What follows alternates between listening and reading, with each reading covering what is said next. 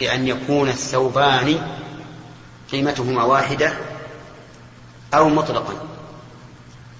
نعم. مطلق. نقول إن نظرنا إلى الناحية المعنوية. قلنا إن القصاص مطلق. لأن أهم شيء هو إهانة الرجل. فإذا شق ثوب إنسان يساوي المتر بمائة ريال ثم كان عليه أي على الجاني ثوب يساوي المتر عشرة ريالات. فهنا يقتص ولا إشكال. أليس كذلك؟ لأن ثوب الجاني دون ثوب المجني عليه. لكن هل يأخذ الفرق؟ الجواب لا. ما دام المجني عليه قد اختار أن يقتص فليس له فرق. وبالعكس لو كان ثوب المجني عليه مثله بعشرة وثوب الجاني مثله بمئة هل يقتص منه؟ نقول نعم يقتص. وهل يدفع الفرق؟ نقول لا لا يدفع الفرق. ولكن بعض أكثر أهل العلم يرون أنه لا بد من دفع الفرق أو يترك القصاص. وقوله تعالى الحر بالحر. ألب هنا للعوض يعني يقتل الحر بالحر والعبد بالعبد. يقتل العبد بالعبد. والأنثى بالأنثى تقتل الأنثى بالأنثى. وهذا لا شك أنه تمام القصاص أن يقتل الحر بالحر والعبد بالعبد والأنثى بالأنثى. هذا تمام القصاص لا أشكال. فإذا كان المقتول أقل رتبة من القاتل فهل يقتل به القاتل؟ يعني لو قتل الحر عبدا فهل يقتل الحر؟ نعم فيه خلاف فيه خلاف. فمن العلماء من قال يقتل به ومنهم من قال لا يقتل به والصحيح أنه يقتل به لعموم الأدلة الأدلة من القرآن والسنة النفس بالنفس والمؤمنون تتكافأ دماؤهم ويسعى بذمتهم أدناهم وإذا قتل العبد حرا هل يقتل به؟ ها؟ يقتل به. كما يقتل بالعبد الأنثى بالأنثى تقتل. والرجل بالأنثى قال بعض العلماء يقتل لكن يدفع نصف الدية لأن دية المرأة نصف دية الرجل. لكن هذا القول ضعيف جدا لأن القتال لأن القصاص بين البشر الأحرار لا ينبني على القيمة. هل يقتل الرجل بالأنثى؟ نعم. يقتل. ودليل ذلك أن النبي صلى الله عليه وسلم رض رأس اليهودي بين حجرين حين رض رأس اليهودية. فقتل رجلا قصدي هو يهودي. يهودي رض رأس جارية من الأنصار. فأمر النبي عليه الصلاة والسلام أن يرض رأسه بين حجرين فقتل رجلا بامرأة. وقوله تعالى فمن عفي له من أخيه شيء عفي له الضمير في له يعود على من؟ على القاتل. من أخيه المقتول الأخ هو المقتول.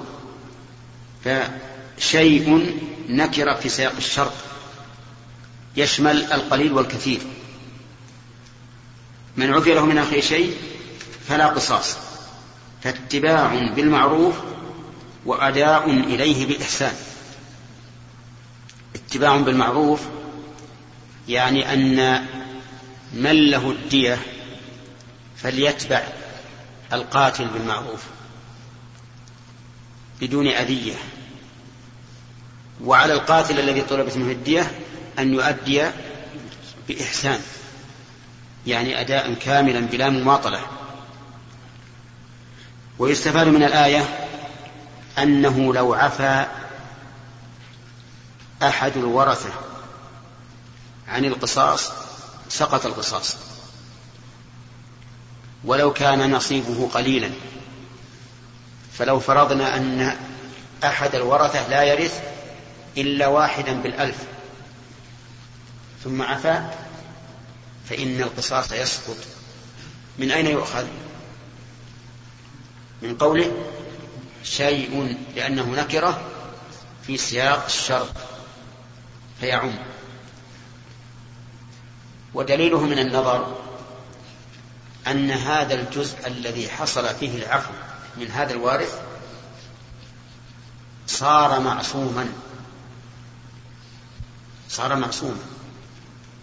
والعصمة لا تتجزأ. العصمة لا تتجزأ بل تشمل الجميع تشمل الجميع. فإن قال قائل لماذا لا نأخذ بالأكثر؟ قلنا لا يمكن لأن الأنملة من من الآدمي محترمة. أدنى شيء في الآدمي محترم. فإذا عفي عن هذا القاتل ولو بجزء يسير فإنه لا يمكن أن تنتهك حرمته. وقول فمن اعتدى بعد ذلك فله عذاب أليم يعني بعد العفو من اعتدى فله عذاب أليم. لأن من لأنه قد يؤتى إلى الشخص. ويندم على فعله. ويقال هذا قتل أبوه. كيف تأخذ الدية؟ هذا قتل أخوه. كيف تأخذ الدية؟ فيندم ثم يذهب فيقتل القاتل. يقول عز وجل فمن اعتدى بعد ذلك فله عذاب عليم نعم.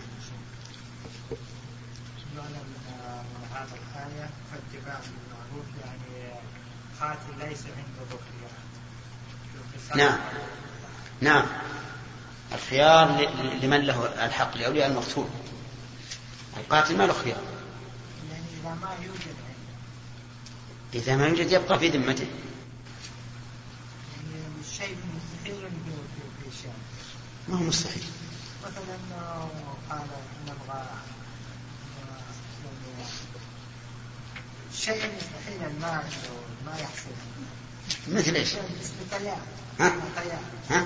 يعني قال للقاتل أنا أبغى دية حياة إيه؟ حيار ها ها طائرة. ما لقيت الطائرة شيء قال له ما لقيت الطائرة. هذه بارك الله فيك إذا عفى عن أكثر من الدية فليس محل إجماع بين العلماء. بعض العلماء يقول يخير بين القصاص أو الدية فقط. ليس له أكثر. وعلى هذا فهذا المثال هذا السؤال اللي سألت يسقط. يعني لو قال بطيارة يقول ما مالك إلا الدية. ما يدفع لكن فيه من يرى أنه تجوز المصالحة. تجوز المصالحة على أكثر من الدية. نعم. الأحاديث متعارضة في هذا ويرجع فيها إلى إلى القاضي محكمة. لا. ليس العفو أفضل على كل حال بل إذا كان في العفو إصلاح فهو أفضل. وإن لم يكن فيه إصلاح فالأخذ بالقصاص أفضل.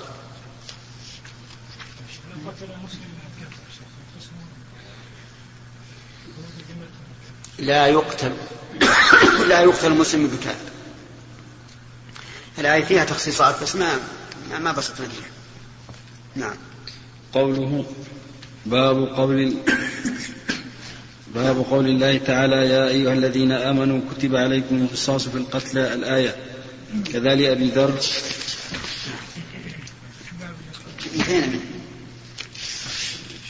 باب سؤال القاتل. باب سؤال القاتل حتى يقر.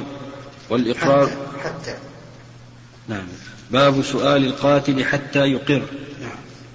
والإقرار في الحدود. حدثنا حجاج بن منهال قال حدثنا همام عن قتادة عن أنس بن مالك رضي الله عنه أن يهوديا رد رأس جارية بين حجرين فقيل لها من فعل بك هذا أفلان أو فلان حتى سمي اليهودي. فأتى به النبي صلى الله عليه وسلم فلم يزل به حتى أقر فرد رأسه بالحجارة.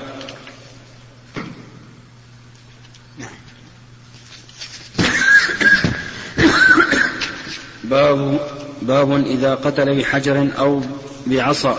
حدثنا محمد قال أخبرنا عبد الله بن إدريس عن شعبة عن هشام بن زيد بن أنس عن جده أنس بن مالك قال خرجت جارية عليها أوضاح بالمدينة قال فرماها يهودي بحجر.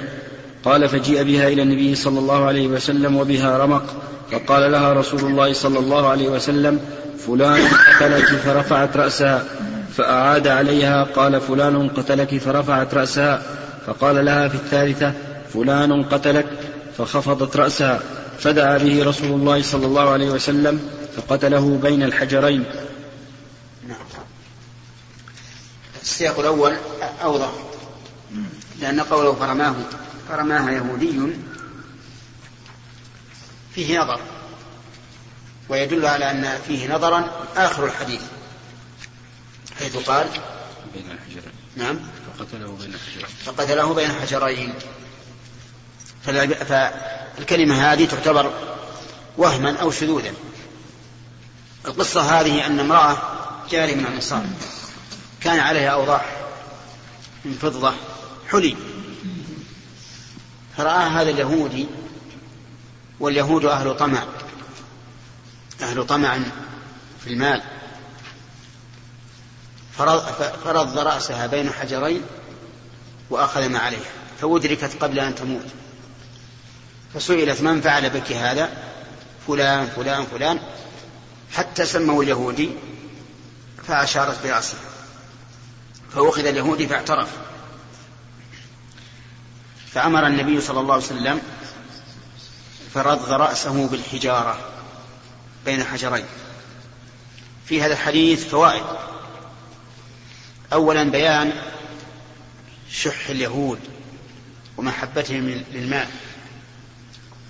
ثانيا بيان حنقهم على المسلمين. لأن بإمكان هذا اليهودي أن يأخذ الأوضاح ويدع الجارية. لكنهم أشد الناس عداوة للذين آمنوا كما قال الله عز وجل لتجدن أشد الناس عداوة للذين آمنوا اليهود والذين أشركوا. وفي أيضا دليل على أن الإنسان ما دام عقله ثابتا ولو في سياق الموت فإن قوله معتبر لأن هذه الجارية لا تستطيع الكلام. يعني في آخر رمى ومن فوائده أيضا العمل بالإشارة. العمل بالإشارة لأن هذه الجارية أشارت برأسها كلما سألوها عن شخص لم يفعل شيئا يعني قالت هكذا رفعت رأسها. يعني لا.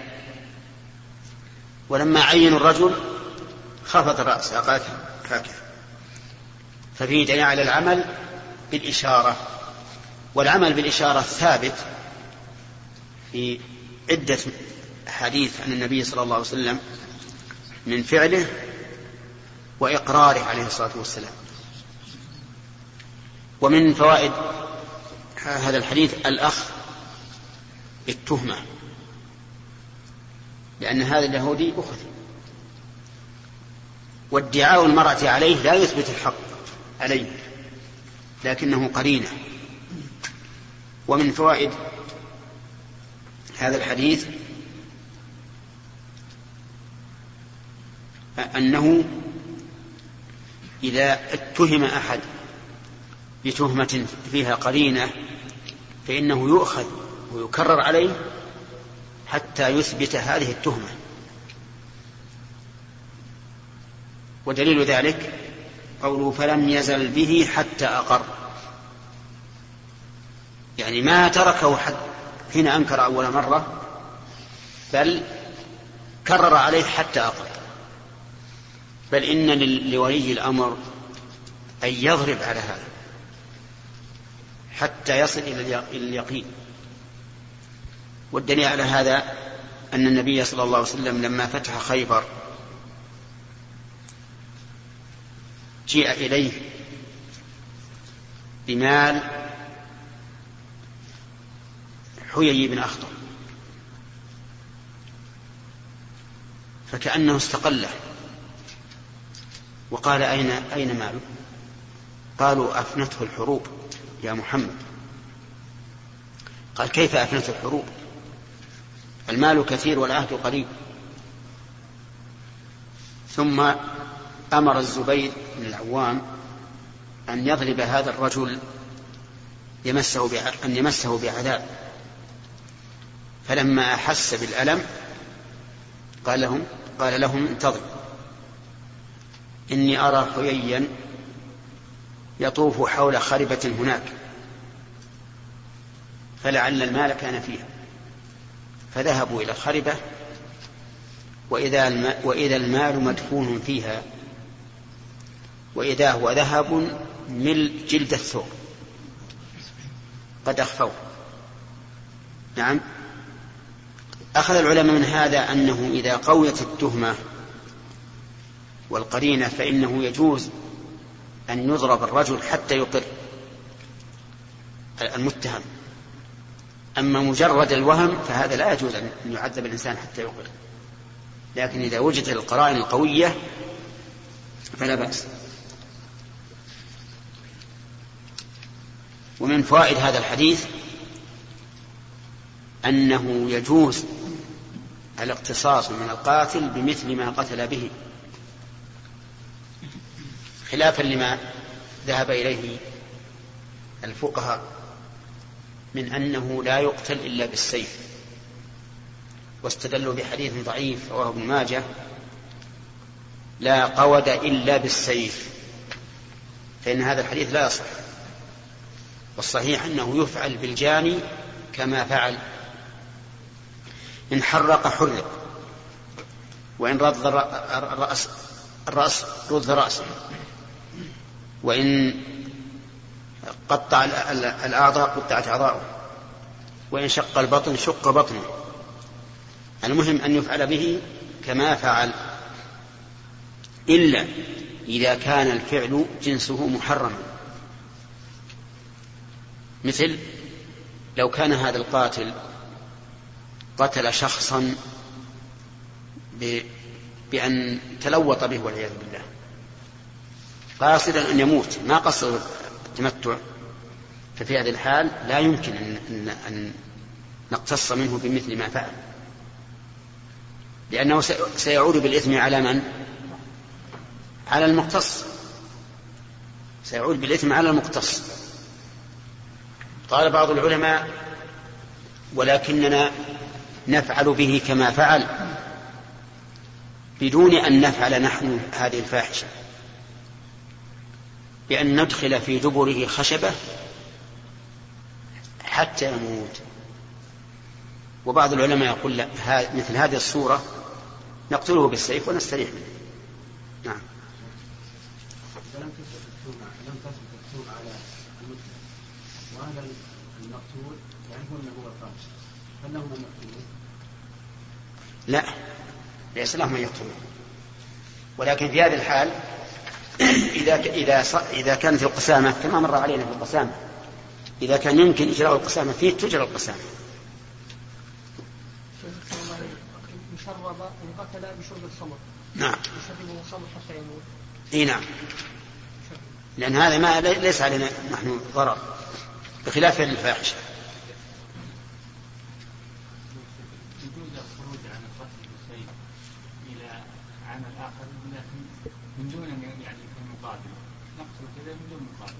كيف؟ يعني مثلا نطعنه وهو طعن لكن ما حد وكيف بماذا قتله؟ الجاني بماذا قتل؟ لازم يفعل مثل ما فعله. ما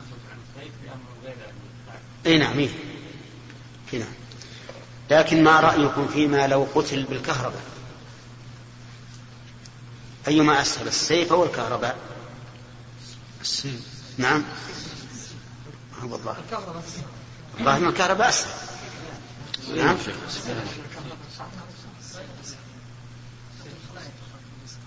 لا إذا قتلت. هم يقولون الطاقة الكبيرة مثل 220 أو 300 تقتل على طول. بس أكثر من السيف ها؟ تشله أكثر من السيف تشله أي نعم. تنفض الأول مقطع ثم تنتقل. يعني يكون السيف مرة أسرع أسرع. لا ما هو بس ما هو بس السيف إذا إذا قتل يبقى يرفس حتى ينتهي دمه. لكن هذه بلحظة إي نعم. ابدا ما يدري عن نفسه. ما نسأل الله العافية. فالظاهر إن إنه اذا اذا, إذا وعلى كل حال إن قتل بالكهرباء يقتل بالكهرباء ما في إشكال. لكن إذا قتل بالسيف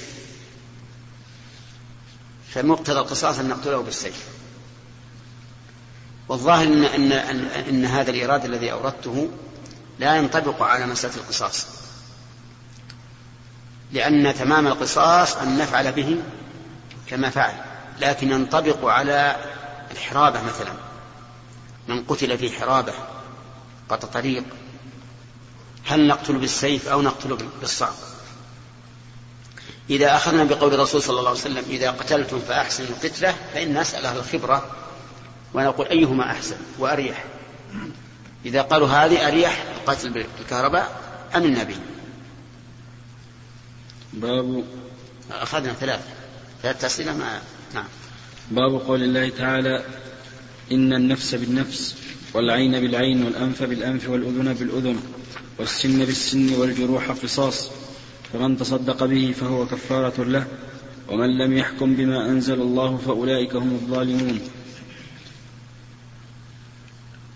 حدثنا عمر بن حفص قال حدثنا أبي قال حدثنا الأعمش عن عبد الله بن مرة عن مسروق عن عبد الله أنه قال قال رسول الله صلى الله عليه وسلم لا يحل دم, دم امرئ مسلم يشهد أن لا إله إلا الله وأني رسول الله إلا بإحدى ثلاث النفس بالنفس والثيب الزاني والمفارق لدينه التارك للجماعة. نعم. باب قول الله تعالى أن النفس بالنفس. هذه من حكم التوراة. كما قال تعالى وكتبنا عليهم فيها أن النفس بالنفس. وهذا عام. لكنه يستثنى منه الكافر لا يقتل بالمسلم. لقول النبي صلى الله عليه وسلم لا يقتل مسلم بكافر ويستثنى منه ما سيأتي إن شاء الله. بسم الله الرحمن الرحيم. الحمد لله رب العالمين وصلى الله وسلم على نبينا محمد وعلى آله وصحبه أجمعين. وبعد هذه فوائد كتبها شيخنا حفظه الله في آية القصاص. قال بسم الله الرحمن الرحيم. قوله تعالى يا أيها الذين آمنوا كتب عليكم القصاص في القتلى الحر بالحر. دلت على أن الحر يقتل بالحر فهل يقتل بالعبد؟ فيه خلاف بين العلماء. فمذهب مالك والشافعي وأحمد لا. ومذهب أبي حنيفة بلى. وهو اختيار الشيخ تقي الدين. قال وليس في العبد نصوص صريحة صحيحة تمنع قتل الحر به. انتهى.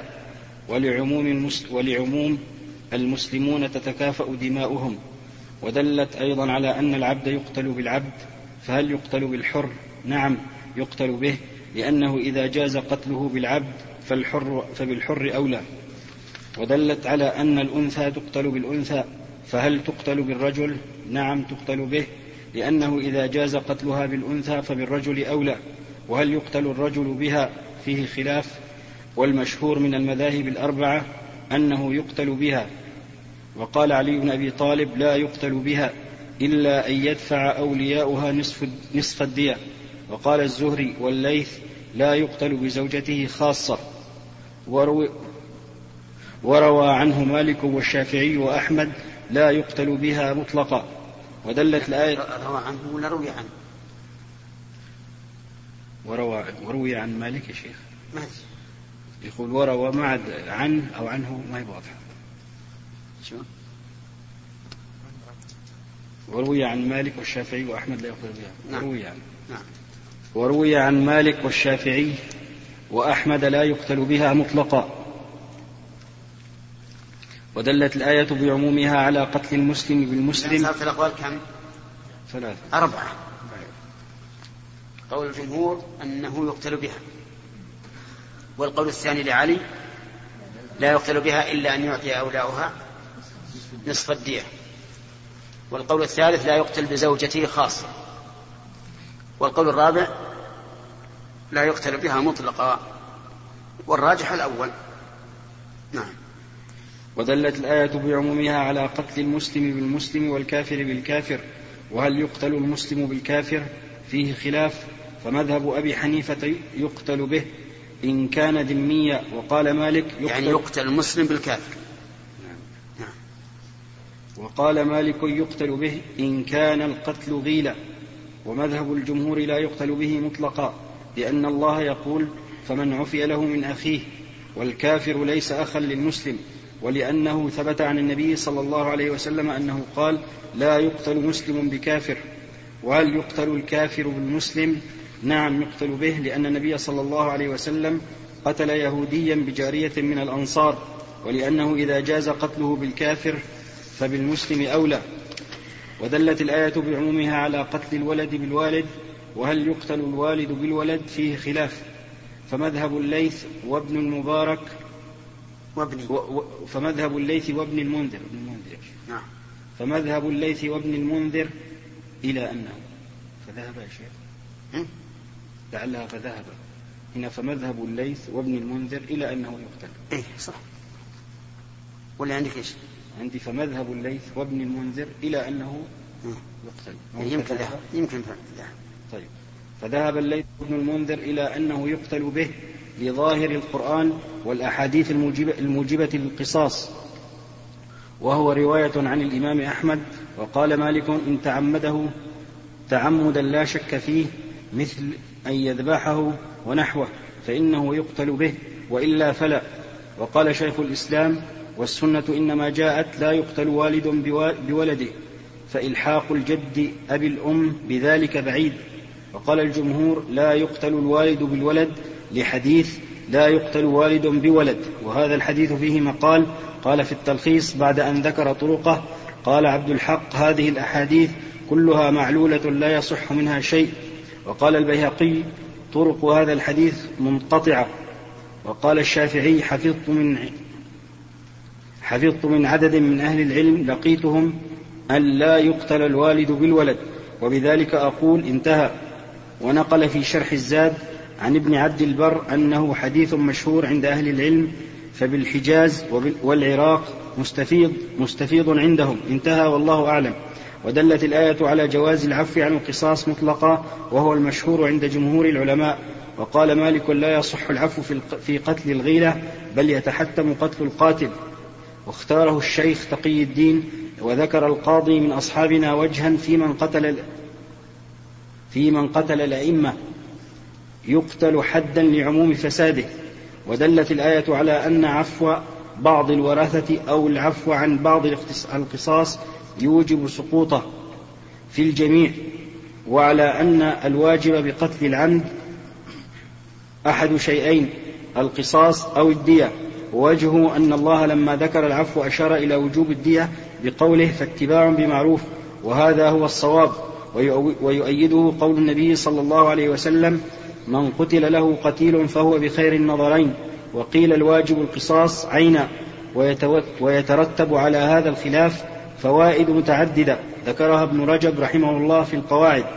ودلت الآية على أن فاعل الكبيرة لا- على أن فاعل الكبيرة لا يخرج من الإيمان فإن القتل العمد كبيرة. ومع ذلك سمى الله المقتول أخا للقاتل ولو كان القتل كفرا. ولو كان القتل. القتل كفرا. لم لم يكن أخا إيه؟ ولو كان القتل كفرا لانتفت الأخوة الإيمانية.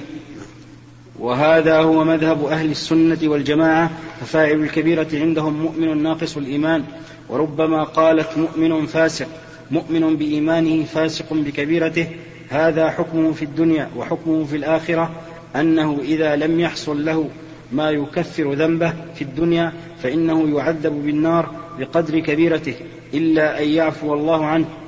وقالت الخوارج إن فاعل الكبيرة كافر مخلد في النار وقالت المعتزلة إنه مخلد في النار وليس بمؤمن ولا كافر بل في منزلة بين منزلتين.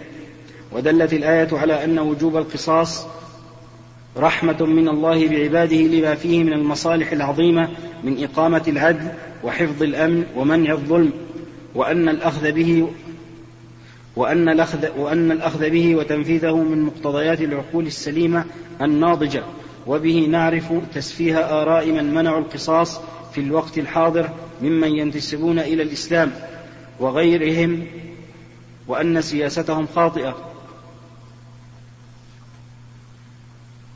من رجال ونساء من ذوي الأنساب والأسباب والألباب كأن في شيء قبل يا شيخ. إيه في شيء قبل. وش اللي قبل؟ في سهم. في هذا. طيب. لكن لكن اختلف العلماء في من له حق العفو فالمشهور أن جميع الورثة لهم لهم الحق من رجال ونساء من ذوي الأنساب والأسباب وهو قول وهو قول أكثر العلماء منهم الشافعي وأبو حنيفة. وأحمد والمشهور عن مالك أنه للعصبات خاصة وهو اختيار الشيخ تقي الدين. واختلف العلماء أيضا في من إذا كان أحد المستحقين المستحقين غير مكلف والمشهور من المذهب إنه ليس للمكلفين أنه. ليس للمكلفين أن أن ينفردوا بالاستيفاء وهو مذهب الشافعي وعن أحمد رواية ثانية أنه يجوز للمكلفين أن ينفردوا به وهو مذهب مالك وأبي حنيفة. والذي يظهر من الآية أن ذلك حق لجميع الورثة وأنه ليس لبعضهم أن ينفرد بالاستيفاء لأن الدية تركة يرثها جميع الورثة فكل واحد من فكل واحد منهم له حق فيها فليس لغيره أن يفوت حق فليس لغيره أن يفوت حقه عليه. والله أعلم. طيب. والله أعلم. وهذا انتهى ما قاله شيخنا محمد بن صالح العثيمين. جزاه الله خيرا. لا يقول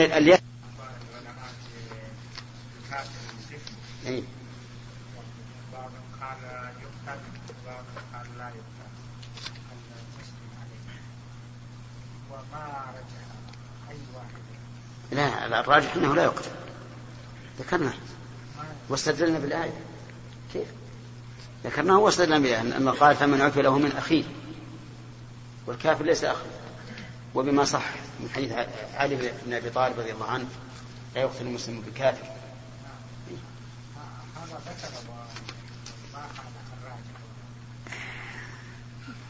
ما ذكرنا الراجح ها؟ هل بين أيدينا. طيب ما في مانع. أنا ما جبتها عشان هذه. ولا هي عندي. نعم. شيبة موجود. نعم.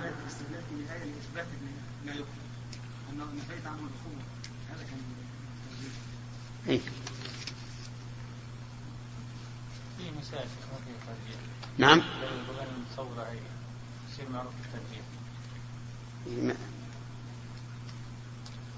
على كل حال الراجح قول الجمهور ارجح في هذه المسألة. لا يا شيخ لا ها؟ صحيح.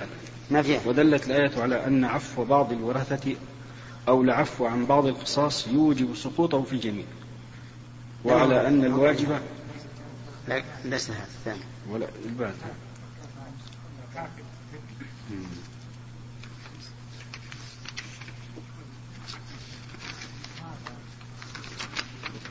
إيه الكافر الذمي صح إيه قتل المسلم بالكافر الذمي. بالكافر الذمي. طيب خلونا نقرأ بعدين شوي ما دام ستكون في أيديكم إن شاء الله. هذا موجود.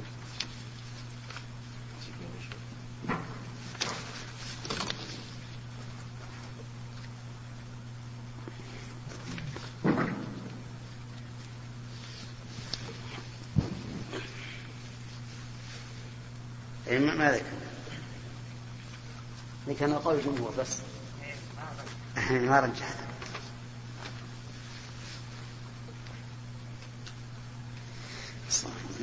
بسم بالله. بسم الله الرحمن الرحيم. قال البخاري رحمه الله تعالى حدثنا عمر بن عمر بن حفص قال حدثنا أبي قال حدثنا الأعمش. باب من قتل لا يقتل لا يا شيخ ما كملنا.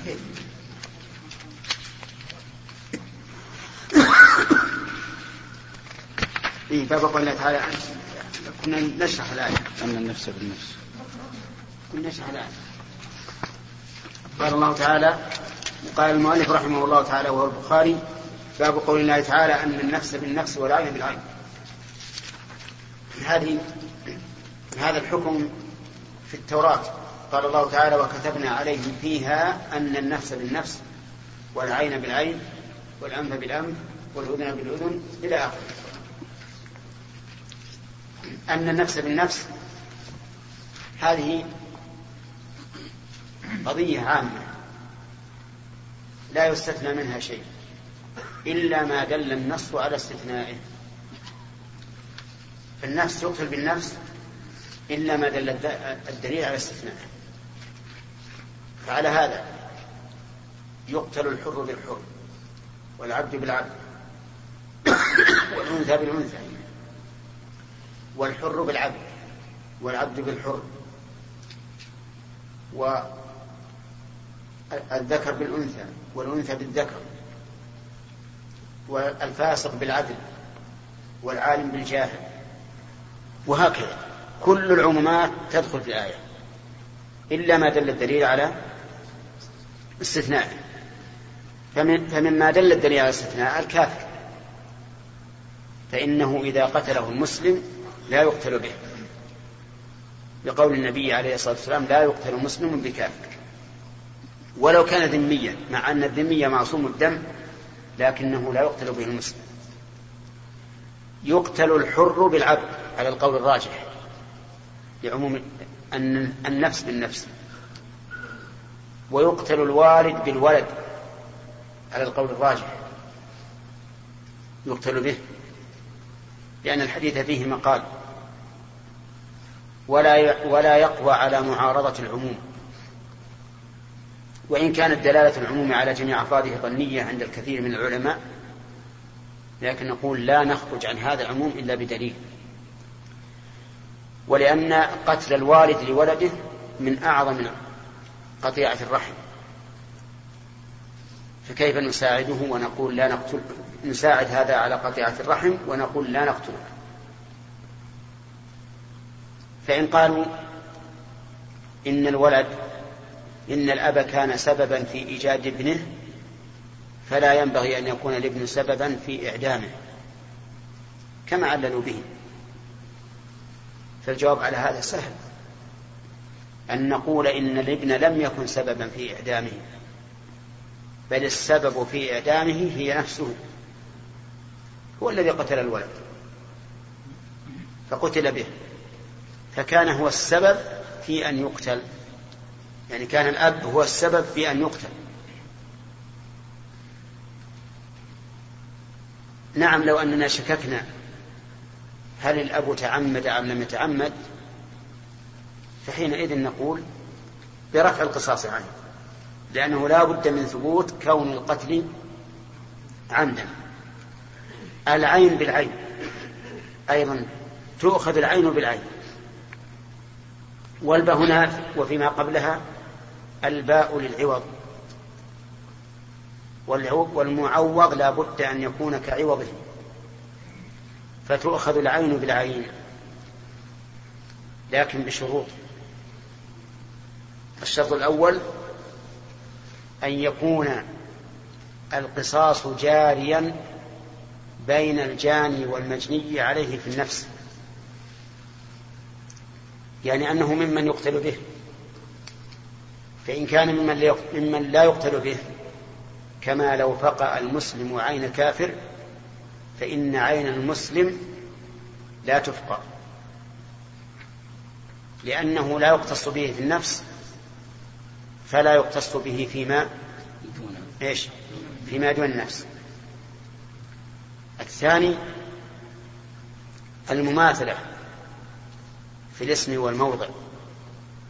المماثلة في الاسم والموضع. الاسم على كل حال كلتاهما عين.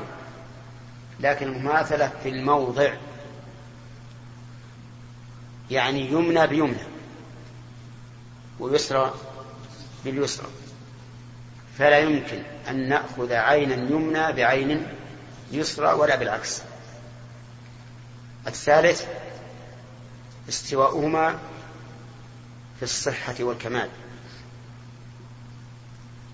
فلا تؤخذ عين صحيحة بعوراء ولا عين صحيحة بعين قائمة. والفرق بين العورة والقائمة أن القائمة صورتها باقية وبصرها مفقود. والعوراء معروف مصابة بعور أي بعيب يمنع النظر. طيب. فإذا شرط فيه شرط رابع الأمن من الحيف. الأمن من الحيف. فإن خشي من الحيف فإنه لا قصاص. فلو قلع الأعور عين الصحيح قلع الأعور عين الصحيح. المماثلة لعينه لعين الأعور الصحيحة. فإن عين الأعور لا تقلع. لماذا؟ لأن في ذلك حيفا. فالأعور لما قلع إحدى عيني الصحيح لم يفقده بصره بل بقي بصره. ونحن لو اقتصصنا من الأعور. لفقد بصره. إذا لا يمكن الاستيفاء إلا إيش؟ إلا بحيف. إلا بحيف. وعليه فلا تؤخذ عين الأعور الصحيحة إذا قلع عين السليم المماثلة لهذه العين الصحيحة. وقال بعض أهل العلم بل تؤخذ ويدفع نصف الدية. من الذي يدفع نصف الدية؟ المجني عليه الأول. وقال بعض العلماء بل تؤخذ بلا شيء. تقلع عين الأعور الصحيحة ويكون الأعور هو الذي جنى على نفسه. هو الذي جنى على نفسه. لأنه لو لو شاء وإن كنا لا نمكنه من ذلك لكن لو شاء لقلع الأعور لقلع العين التي تماثل عينه إيش؟ العوراء. لكن هو الذي جنى على نفسه فقلع العين المماثلة لعينه الصحيحة ولعل أقربها للصواب القول الأول أنها لا تقلع. لأنها لأن هذا حيف. طيب العين بالعين.